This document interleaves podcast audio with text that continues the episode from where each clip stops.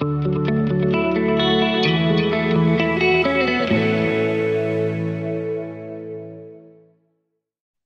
bij de podcast Eveline in Boekenland over de mythes, geheimen en revoluties van het boekenvak.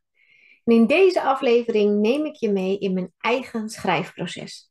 Ik heb namelijk de afgelopen zes weken mijn agenda schoongeveegd om zelf te schrijven, om te werken aan mijn eigen manuscript zonder verwachting. Ik ben daar ongeveer anderhalf jaar geleden mee begonnen, tussen de bedrijven door. Over het begin kun je de eerste aflevering van deze podcast beluisteren. Maar nu heb ik daar zes weken voor vrijgenomen en wil ik daar zes inzichten over delen die ik in die tijd heb opgedaan. Uh, want elke keer als ik uh, in mijn verhaal duik en lekker tussen de woorden zwem, uh, merkte ik van, nou, ik wil er eigenlijk niet meer ophouden. Dat is een goed teken, dus vandaar dat ik dacht, ik neem die twee maanden om volop te gaan schrijven. En dat klinkt makkelijker dan het was, want ik ben natuurlijk zelfstandig ondernemer, ik ben schrijfcoach, ik begeleid ook anderen met het schrijven van hun boek. Dus twee maanden vooral schrijven aan mijn eigen boek betekent ook twee maanden veel minder inkomsten. En dat was best wel een uitdaging. Maar ik voelde ook dat, ja, dat verlangen dat riep harder. En dit, dat dit echt nodig was uh, om stappen te zetten met mijn eigen boek. Omdat ik er anders misschien nog wel een jaar mee bezig zou zijn. In deze podcast uh, deel ik graag de lessen die ik leerde en de inzichten die ik opdeed in deze tijd. De eerste les, het eerste inzicht dat ik met je wil delen is: geef jezelf toestemming om niet te schrijven. Dat voelt misschien een beetje paradoxaal, maar ja, het lijkt ideaal. Twee maanden, uiteindelijk zijn het zes weken geworden. Alle tijd en alle ruimte om te schrijven. Maar ja, je kunt jezelf ook verliezen in die zee van tijd. Als je alle tijd hebt. Misschien herken je dat wel van vroeger op school, toen je studeerde als je alle tijd had voor je scriptie, nou, dan kwam het toch vaak op het laatste moment uh, er echt van. En als ik iets niet wil met het schrijven van mijn boek, is dat het een moedje wordt. En op de een of andere manier werkt het voor mij heel, dus heel goed om mezelf elke dag weer eerst de toestemming te geven om de ruimte te nemen om andere dingen te doen, om niet te schrijven. Ook om uh, een beetje af te kicken van mijn werkritme hielp het om uh, zo min mogelijk te moeten en zoveel mogelijk te voelen van waar heb ik vandaag zin in. Uh, en gewoon dat verlangen te volgen zonder schuldgevoel. Zonder dat er, nou ja, ook al kwam er dan een stemmetje vaak wel in mijn achterhoofd, maar eigenlijk moet ik nu niet schrijven, moet ik nu niet research doen of iets anders nuttigs voor mijn boek. Ja, om die stemmetjes te dempen en zonder schuldgevoel toch het verlangen te voelen om uh, lekker te gaan wandelen, om in het zonnetje te gaan liggen, om een boek te lezen wat niks met mijn eigen boek te maken had. En wanneer ik dit echt kon toelaten en met wat strubbelingen lukte dat meestal wel, ontstond er in de loop van de dag toch het verlangen om te schrijven. Vaak in de loop van de middag dacht ik dan toch, oh, ik ga naar binnen, ik ga achter mijn laptop zitten en ik ga aan mijn boek werken. Dus de tip is: geef jezelf toestemming om niet te schrijven zonder schuldgevoel. En dan volgt het verlangen om wel te schrijven vanzelf. Tweede inzicht dat ik heb opgedaan is: durf gewoon te beginnen met schrijven. Nou klinkt dat ook altijd veel simpeler dan het is. Maar ik had mezelf een doel gesteld voor die twee maanden. Ik, had namelijk, ik wilde namelijk gaan werken en gaan schrijven aan het laatste deel van mijn manuscript. Mijn boek gaat uit vier delen bestaan. Dus het is één boek bestaande uit vier delen. Het eerste deel van mijn manuscript zonder verwachting. Dat dus uh, gaat over uh, het verhaal, mijn persoonlijke verhaal uh, van mijn nog niet vervulde kinderwens. Het eerste deel gaat over toen ik nog geen kinderwens had en na een auto-ongeluk wel, maar mijn partner niet. En hoe die relatie uiteindelijk is beëindigd. Het tweede deel gaat over hoe ik mijn huidige vriend leer kennen. Hoe wij, dat we allebei kinderen willen. Maar wanneer begin je er dan echt aan? En wat doe je als uh, het dan niet lukt en niet vanzelf gaat? Derde deel, dan gaan we dus hulp vragen uh, aan de medische wereld. Dan stappen we een fertiliteitstraject in. Dat gaat over de vruchtbaarheidsbehandelingen en wat dat met me doet. Vierde deel gaat begint op het moment dat wij besluiten pauze te houden van de vruchtbaarheidsbehandelingen. En die pauze duurde uiteindelijk ruim een jaar. Dat is een jaar waarin niet zoveel gebeurd is. Maar in die pauze is er, ja, aan de buitenkant is er niet zoveel gebeurd. Maar aan de binnenkant natuurlijk wel. Dus ik heb heel veel mooie inzichten gehad uh, tijdens dat pauzejaar, om het zo maar even te bestempelen. Maar ja, hoe ging ik dat in mijn verhaal verwerken? Ik merkte dat ik daar tegenop zat te hikken. Dat dat vierde deel dus nog uh, een beetje bestond uit wat ideeën, wat schetsen, wat inzichten. Maar nog niet echt uit een verhalend stuk. En dat wilde ik die in die zes weken voor elkaar gaan krijgen. Wat mij daarbij heel erg geholpen heeft, is eerst gewoon die inzichten uitschrijven. Dus geen concessies doen, niet al proberen het mooi te gaan vertellen of in een goede volgorde. Uh, maar eerst gewoon keihard opschrijven. Ik vind dit, zo zie ik het. Uh, ik heb zelfs letterlijk opgeschreven. Ik pleit voor het slachtofferschap. Dus ja, zonder dat in een verhaal te willen vertellen, heb ik gewoon echt een opinierend stuk eigenlijk ervan gemaakt. Een meer beschouwend stuk. Waarin ik onder andere heb geschreven: Ik pleit voor het slachtofferschap. Er wordt vaak zo'n stigma ligt op uh, de slachtofferrol. Terwijl als je daardoor ontzettend je best gaat doen om die rol te ontlopen, dan ontwijk je ook je verdriet. En ben je, ja, neem je dus ook geen verantwoordelijkheid voor je gevoel en voor wat er gebeurd is. Dus vandaar dat ik ervoor pleit dat je eerst erkent dat, je, dat het erg was, dat het verdrietig was. En dat je daarna pas verder kan. Uh, maar dat even terzijde. Dus zo heb ik gewoon letterlijk opgeschreven wat ik vond, wat ik ervan dacht, wat mijn mening was. En toen dat eenmaal op papier stond, kon ik gaan kijken wanneer kwam ik tot de inzicht, hoe kan ik dat in mijn verhaal verwerken, wat is een goede volgorde, welke scènes, uh, welke omgeving, welke personages kan ik erbij plaatsen. Maar het belangrijkste was om dat eerst zonder scrupules, zonder excuses uh, op te schrijven.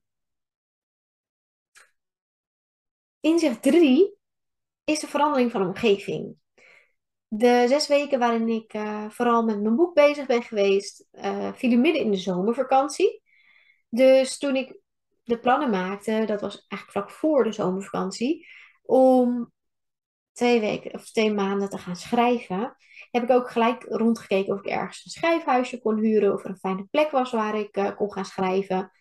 Uh, en ik heb onwijs veel gezocht, maar het was natuurlijk midden in het hoogseizoen. En ik wil ook heel graag een fijne schrijfplek met goede wifi, een goede ruime tafel. Want ik heb altijd overal uh, notities en uh, blaadjes liggen en boeken.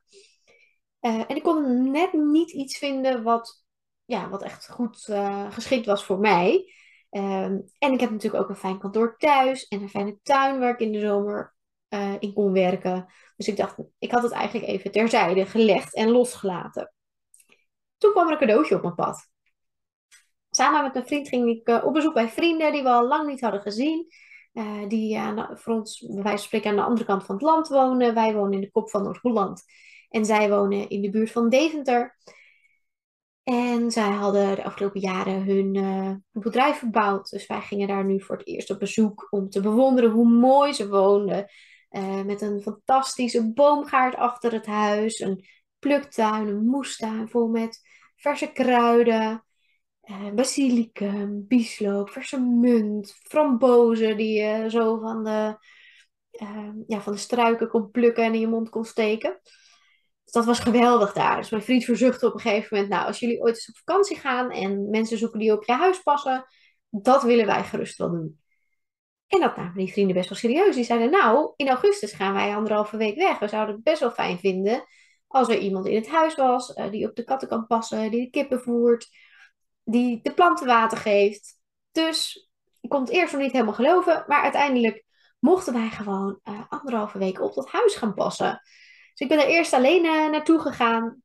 Eind augustus, of begin augustus, vertrok ik richting de IJssel. En ja, het was heerlijk om daar alleen te zijn, midden in de natuur. Dat hielp me ook echt om dat gevoel te volgen van wat wil ik vandaag, waar gaat mijn verlangen naar uit, waar heb ik trek in. En dan kon ik dat uit de moestuin plukken. En uh, het was heerlijk weer, dus ik wandelde wat. Ik zat, ik genoot van de boomgaard en de tuin. En meestal wanneer het dan smiddags wat te heet werd om nog lekker buiten te zijn, merkte ik al van, oh, ik ga lekker in de koelte van het kantoor binnen zitten schrijven. En het hielp ook natuurlijk dat ik in een andere omgeving zat, dat ik niet in mijn eigen huis was, waardoor ik geen klusjes oppakte als de was of iets schoonmaken of iets ophangen. Ehm, en ook dat ik niet toch stiekem aan mijn bedrijf ging werken, want dat ligt ook altijd om de hoek. En ik heb ook altijd wel ideeën om blogs uit te werken of andere dingen. Dus uh, ja, om even ergens anders te zijn, dat hielp me ook echt om me te focussen op mijn boek en om niet met andere dingen bezig te zijn. Dus ja, gewoon beginnen met schrijven. Verandering van de omgeving hielp heel erg. En uh, toe, toelaten om even niet te schrijven. En wat ik dus het liefste doe, is uh, alleen schrijven zonder afleiding. Maar mijn vierde tip is toch echt, durf om hulp te vragen. Ik heb het echt niet alleen gedaan. Want tot op zekere hoogte kan ik mezelf wel coachen. Door te bedenken van, nou, wat zou ik iemand anders adviseren die uh, zijn boek aan het schrijven was. Uh, maar om een verhaal echt naar een volgend level te trekken. En helemaal omdat het autobiografisch is, is het gewoon fijn om andere mensen te vragen om mij bewust te maken van mijn blinde vlekken. En ja, om ervoor te zorgen dat het verhaal uh, nog beter wordt. Dus heb ik deze zomer uh, twee sessies gedaan bij mijn uh, schrijfcoach Geertje Kouwenberg. Zij heeft feedback gegeven op twee fragmenten en die bespraken we vervolgens. En meestal kan ik die feedback ook weer gebruiken om andere stukken te herschrijven. Daarnaast heb ik een tweedaags schrijfretreat gedaan bij de Renske Bergmoes. Het was heel fijn om daar met een groep vrouwen, uh, met vier vrouwen tegelijk te werken aan ons boek. Alleen het feit dat er iemand naast je zit te typen, dat, dat werkt al stimulerend om zelf ook uh, aan de slag te gaan. En tijdens dat retreat heb ik vooral die inzichten gewoon opgeschreven zoals ik ze zag ook vertelde ik dus dat ik naar Deventer afreisde. En de eerste dag kwam ik erachter dat Eva Kelder, ook schrijfcoach, bij wie ik eerder een cursus heb gevolgd, uh, daar een workshop gaf. Schrijf een autobiografie die leest als een verhaal. Nou, dat kwam natuurlijk geweldig uit. Dus uh, die eerste dag in Deventer ben ik naar haar workshop gegaan. En dat was een super fijne kickstart voor de rest van mijn uh, schrijf retreat, zeg maar. En mijn, mijn zelfverzorgde schrijfretraite. Um, dus zo'n kickstart qua inspiratie werkt heel fijn. En ook volgde ik online een writing course van Beth Campton. Dat kwam online langs op social media. En dat zorgde vooral ervoor om uh, vanuit een andere invalshoek te beginnen met schrijven.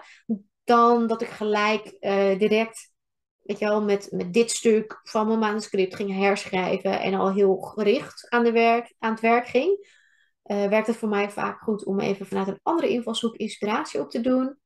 Een beetje te freewriten. En van daaruit dan dat manuscript weer te gaan bekijken. Dus dat werkte ook uh, onwijs inspirerend. En ik wil ja, mijn tips die, en mijn lessen die ik geleerd heb ook meteen gaan toepassen. Uh, inzicht 4 is dus durf om hulp te vragen. En ik wil ook heel graag jou om hulp vragen. Want het feit dat je nu naar mijn podcast luistert, wil ook wel zeggen dat je waarschijnlijk een potentiële lezer bent voor mijn boek. En om mezelf te stretchen en om mezelf ook van te leren, wil ik dus heel graag een stukje van een hoofdstuk voorlezen. Want ik ben heel benieuwd naar jouw feedback. Zou je mij willen laten weten wat je ervan vond? Echt alle feedback is welkom. Uh, stuur dat naar info.evelinebroekhuizen.com. En uh, ja, ik vind het sowieso super gaaf om met je in contact te komen. En ik ben ook heel benieuwd wat je van dit stuk vindt. Of wat het met je deed. Heeft het je geraakt? Uh, kan er nog iets beter? Laat het me gerust weten. Dan lees ik nu graag een stuk voor uit het hoofdstuk Leegte. Uh, dit stuk komt dus uit deel 4.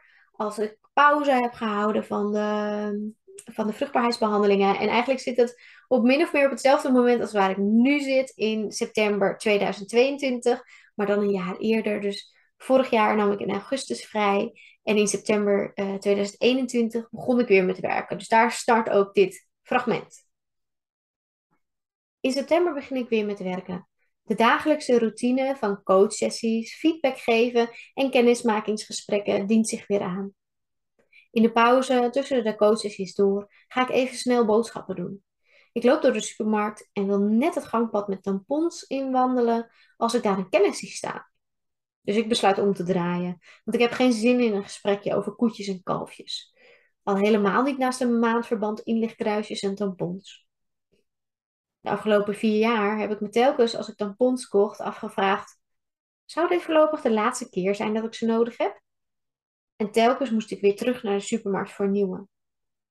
Ik loop een willekeurige andere route door de appie en gooi chocolade, chips en koekjes in mijn kar. Weer terug bij het schap voor vrouwelijke ongemakken besluit ik drie maxi-packs met 32 stuks te kopen. Daar heb ik er voorlopig even genoeg. Want ik heb er nog steeds ook even genoeg van. Liever een duidelijke nee dan telkens sukkelen tussen hoop en vrees. De druk van het fertiliteitstraject en van telkens maar weer hopen is van mijn schouders gevallen. Wat overblijft is leegte. In coronatijd hebben de meeste mensen moeten leren leven met leegte, besef ik terwijl ik met mijn winkelkar door een leeg gangpad loop. In eerste instantie was het een verademing dat sociale afspraken, zoals de verplichte verjaardagen, wegvielen. Ook ik vond het heerlijk om het vaste stramien van twee avonden in de week sporten en één avond yoga even los te laten. Om even niets te moeten. Maar op een gegeven moment ging ik merken dat mensen die leegte lastig beginnen te vinden. Dat ze zich ongemakkelijk voelen bij het niet weten. Ze willen antwoorden, oplossingen, een stappenplan voor alle mogelijke scenario's. Het duurt niet lang tot ze manieren zoeken om die leegte op te vullen. Ondernemers geven gratis workshops en webinars. Gezinnen trekken het bos in voor lange wandelingen. Vrienden organiseren een online pop-up quiz. Terwijl het zo interessant kan zijn om die leegte er te laten zijn, ook al voelt het ongemakkelijk. Ik heb geen verhaal. Dat was jarenlang mijn excuus om niet te schrijven. En nu besef ik, ik heb niets. Dat is mijn verhaal. Ik heb niets om te duiden. Hier ligt het aan dat wij nog een kindje hebben gekregen. Geen diagnose om tegen te vechten of waar ik mee kan leren omgaan. Geen verlies waar ik om kan rouwen. Daar ligt voor mij de uitdaging om dat onzichtbare verdriet serieus te nemen, om het niet weten te omarmen en om die leegte de ruimte te geven. Want die leegte hoeft niet gelijk opgevuld te worden. Alsof je zonder natuurlijke zingeving van het opvoeden van kinderen gelijk naar een andere invulling moet zoeken. Zo vaak worden vrouwen in twee groepen verdeeld. Zelfs in Echte Vrouwen krijgen een kind, een boek over de waardering van de kinderloze vrouw, worden indianenstammen aangehaald die geleid werden door twee vrouwen, één met kinderen en één zonder. Zo lees ik. Barende vrouwen wenden hun creatieve kracht aan om gezonde, gelukkige kinderen in de wereld te zetten. Vrouwen zonder kinderen richten zich op andere zaken die in hun samenleving geregeld moeten worden. En ook nu zijn vrouwen zonder kinderen een essentieel deel, onderdeel van de samenleving. Het zijn de tweede moeders, de goede schooljuffen, de gedreven artsen. Maar zullen we ophouden met vrouwen in twee groepen in te delen, met en zonder kind? Alsof je zonder kinderen ineens verplicht bent om een geweldig grote ambitie te hebben. En alsof een moeder geen andere levensmissie heeft dan het opvoeden van haar kinderen. Die goede juf en gedreven arts kunnen toch net zo goed moeder zijn? En ik voel mijn zielsmissie sowieso, of ik nu moeder word of niet. Ik hoef geen vol leven te hebben om volledig vrouw te zijn. Ik ben vrouw. En die leegte is er. Die leegte mag er zijn. Hoe ongemakkelijk dat ook voelt. Tot zover het fragment uit het hoofdstuk leegte. Ben heel benieuwd wat je ervan vindt. Juist omdat dit ook dus wat meer zo'n uh, beschouwend stuk is, is het voor mij weer spannend om dat uh, voor te lezen. Maar ik wil mezelf daarin wel blijven uitdagen, zoals je waarschijnlijk ook al in de eerste aflevering van deze podcast hebt gehoord. Nou, dan hebben we nu vier inzichten gehad uh, over de afgelopen zes weken die ik heb geschreven. Er volgen er nog twee. Nummer vijf is verlies jezelf niet in research. Ik merkte op een gegeven moment om die inzichten te staven dat ik boeken ging lezen, uh, podcasts ging luisteren, artikelen opzoeken, video's kijken. En ehm, hoe interessant ook, ja, de ene video op YouTube lijkt weer op de andere. En op een gegeven moment merkte ik ook dat dat me een beetje afdreef van mijn onderwerp. Maar nog belangrijker, dat dat me afdreef van mijn eigen mening. In eerste instantie is het fijn om te horen dat mijn inzichten en ideeën die ik tijdens dat jaar pauze uh, opgedaan had, dat dat niet zomaar, uh, ja, dat dat ergens op sloeg. Dat dat ook gestaafd werd door wetenschappelijk onderzoek, door uh, eeuwenoude tradities. En die bevestiging, daar ga ik goed op. Dat is fijn dat je, ja, dat je het idee hebt van, nou, het gaat ergens over waar ik over schrijf. Maar op een gegeven moment merkte ik me dat ik me in de visies van anderen ging verliezen. En dat ik daarin een beetje vergat van wat is nou mijn idee hiervan. Terwijl mijn boek Zonder Verwachting een autobiografisch verhaal is. Het is een persoonlijke memoire van uh, ja, rond mijn kinderwens. En de nadruk mag dus liggen op mijn persoonlijke ervaring. Dus ik besefte hiermee dat mijn eigen visie waardevol genoeg is. Tuurlijk kan ik hier en daar wat uh, onderzoeken aantippen, wat literatuur. Maar de basis is mijn ervaring. Dus daar mag de nadruk op uh, liggen. En dat gaf me echt wel een boost in mijn vertrouwen toen ik dat besefte. Van, oh, ik hoef niet onwijs veel literatuur erbij te halen. Mijn visie is waardevol genoeg. En dat brengt me ook tot het zesde inzicht. Namelijk durf te vertrouwen. Deze zes schrijfweken waren eigenlijk één grote les aan in vertrouwen. Um, ik mocht vertrouwen dat mijn verhaal het waard was om in te investeren. Uh, vertrouwen dat het me lukt om van mijn ervaring en gedachten een boek te maken. Vertrouwen dat ik mijn verlangen mag volgen en mijn eigen weg mag gaan. Uh, en vertrouwen dat het schrijven van mijn boek me uiteindelijk meer zal brengen dan ik ooit zou kunnen bedenken. En het klinkt allemaal heel mooi, maar dat vertrouwen vergt wel ja, telkens weer een keuze, een stap in, eh, een stap voorbij de angst eigenlijk. En de keuze om niet te kiezen voor angst. Want die angst kwam ook vaak genoeg naar boven, vooral rond het feit dat ik eh, twee maanden maar weinig geld ging verdienen. Dus ik moest ook elke keer weer erop durven vertrouwen dat mijn boek uiteindelijk veel meer zal brengen dan, dan wat ik nu zou kunnen bedenken, zoals ik net al zei. Maar ook dat mijn werk hierna wel weer door zou gaan. Dat de klanten gerust wel weer terug zouden komen. Dat dat niet ineens opdroogt. Um, ja, en dat was heel interessant om te merken.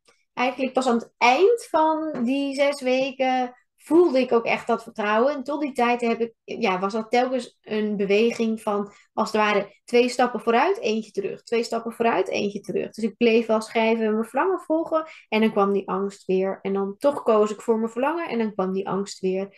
Uh, dus het, ja, het klinkt vaak zo mooi van, oh, stap in het vertrouwen. Um, maar dat is niet één stap die je zet en dan ja, kan je lekker in je vertrouwen baden. Uh, het is wel echt, zo heb ik het in ieder geval ervaren, ja, een continu proces. Waarin je continu weer mag kiezen voor jezelf en voor je verlangen. Toen ik in die laatste week keek uh, naar wat ik geschreven had. Kijk, eerst dacht ik, lijkt twee maanden schrijven echt onwijs. Ja, er lijkt echt een zee aan tijd voor je te liggen. Maar voor, voor ik het wist, was ik al in die laatste week beland. Toen ik daarin zat, dacht ik echt wauw, is het zo snel gegaan? En toen keek ik ook eens van, hoe ver ben ik dan nu? En pas toen besefte ik en zag ik, oh, ik heb eigenlijk al die inzichten een plek kunnen geven in mijn verhaal. Ik heb geen losse fragmenten meer die nog ergens uh, geplaatst moeten worden. Het is af. En dat was zo'n rare gewaarwording, want ik was, was er helemaal niet mee bezig om het af te krijgen. Uh, niet zo geforceerd vanuit het moeten. Uh, ik was gewoon lekker aan het schrijven en alles een plek aan het geven. En aan het schuiven en aan het zoeken en weer bijwerken en bijschaven. En in die laatste week keek ik terug en dacht ik, ja, het is af. En nu heb ik heel vaak klanten van mij horen zeggen: Oh, mijn boek is af. En ik weet inmiddels dat het heel veel verschillende dingen kan betekenen. De een zegt het nadat hij de eerste versie heeft geschreven, de andere nadat hij uh, klaar is met al die versies herschrijven. En weer een ander pas als hij klaar is uh, met redactie en het naar de vormgever kan. Nou, in mijn geval uh, liepen die eerste twee fases een beetje door elkaar. Dus ik heb, dit was de eerste keer dat ik echt alles had uitgeschreven van A tot Z. Dus met het uitwerken van deel 4 was ook mijn hele boek, zeg maar alle vier de delen van A tot Z waren uitgeschreven. En uitgewerkt, want ik heb ook dus al heel veel uh, samen met mijn schrijfcoach Geertje Kouwenberg uh, herschreven. Dus en het is van A tot Z de eerste, ja, de final draft is uitgewerkt. En ik heb ook nog uh, behoorlijk wat herschreven. Ehm, ja, en dat geeft natuurlijk ook weer ontzettend veel vertrouwen. Dat het dus werkt om dat moeten los te laten, dat eindresultaat los te laten. En dat dan vanzelf dat je op een dag merkt, hey, het is zo goed als af. En nu? De komende weken besteed ik nog aan het herschrijven van eh, enkele scènes. Uh, dus ik geef mezelf nog een beetje de ruimte om hier en daar nog wat uh, te sleutelen. En wie weet waag ik me ook al aan het schrijven van een publicatievoorstel. Ik heb in ieder geval de deuren opengezet voor het vinden van een uitgever. Ik weet nog niet hoe ik mijn boek wil uitgeven, wanneer. Ja, door, ik heb nog geen voorkeur voor een specifieke uitgeverij. Maar ik zet de deuren wel open. Dus ik sta open voor wat er op mijn pad gaat komen. Nou, in ieder geval heb ik in november Eva Kelder bereid uh, gezien gekregen om het hele verhaal te lezen en te beoordelen. Met Geertje heb ik alleen fragmenten gedaan. En ik wil gewoon dat iemand het nog helemaal leest en feedback geeft op de flow, op wat er misschien nog ontbreekt. Uh, dus daar gaat Eva zich in november op storten. Daarna zal er weer een, denk ik, een flinke herschrijfronde zijn. En uh, ja, dan zal mijn manuscript klaar zijn voor redactie. Dus ergens 2023 zal mijn boek verschijnen. Ondertussen heeft mijn agenda voor september zich uh, flink gevuld. ik vind het heel gaaf om weer aan de slag te gaan naast het werken aan mijn eigen boek, om ook weer schrijvers te begeleiden met hun boek. Uh, en ik voel nog steeds dat ik eigenlijk niet wil ophouden met het schrijven van mijn eigen verhaal, telkens als ik uh, een schrijfdag beëindig. Dus dat is een goed teken. Ik blijf ook de maandagen um, vrij houden als schrijfdag. En ondertussen ja, vind ik het heel gaaf om, uh, om bijvoorbeeld in jouw verhaal te duiken. Dus merk je dat je ook wel wat meer het vertrouwen wil voelen in je eigen boek. En dat jouw verhaal er mag zijn en dat jouw visie uh, ja, hout snijdt. Meld je dan even aan voor een vrijblijvend kennismakingsgesprek. Dan kunnen we kijken waar, ja, waar jouw verlangen ligt. richting het schrijven van jouw verhaal. En dan kunnen we kijken of, of en hoe ik je daarmee kan begeleiden. Dat kan op mijn website evelinebroekhuizen.com. Ehm, ja, en laat me ook gerust weten. Je kunt me ook altijd een mailtje sturen uh, om te laten weten wat deze podcast met je heeft gedaan. Wat je van het fragment vond dat ik heb voorgelezen. En uh, ja, betrek mij gerust in je eigen schrijfproces. Net zo goed als ik jullie in deze podcast heb betrokken in mijn schrijfproces. Ik hoop dat, je, dat het ook jouw inzichten heeft gegeven. En uh, ik praat graag met je verder. Thank you.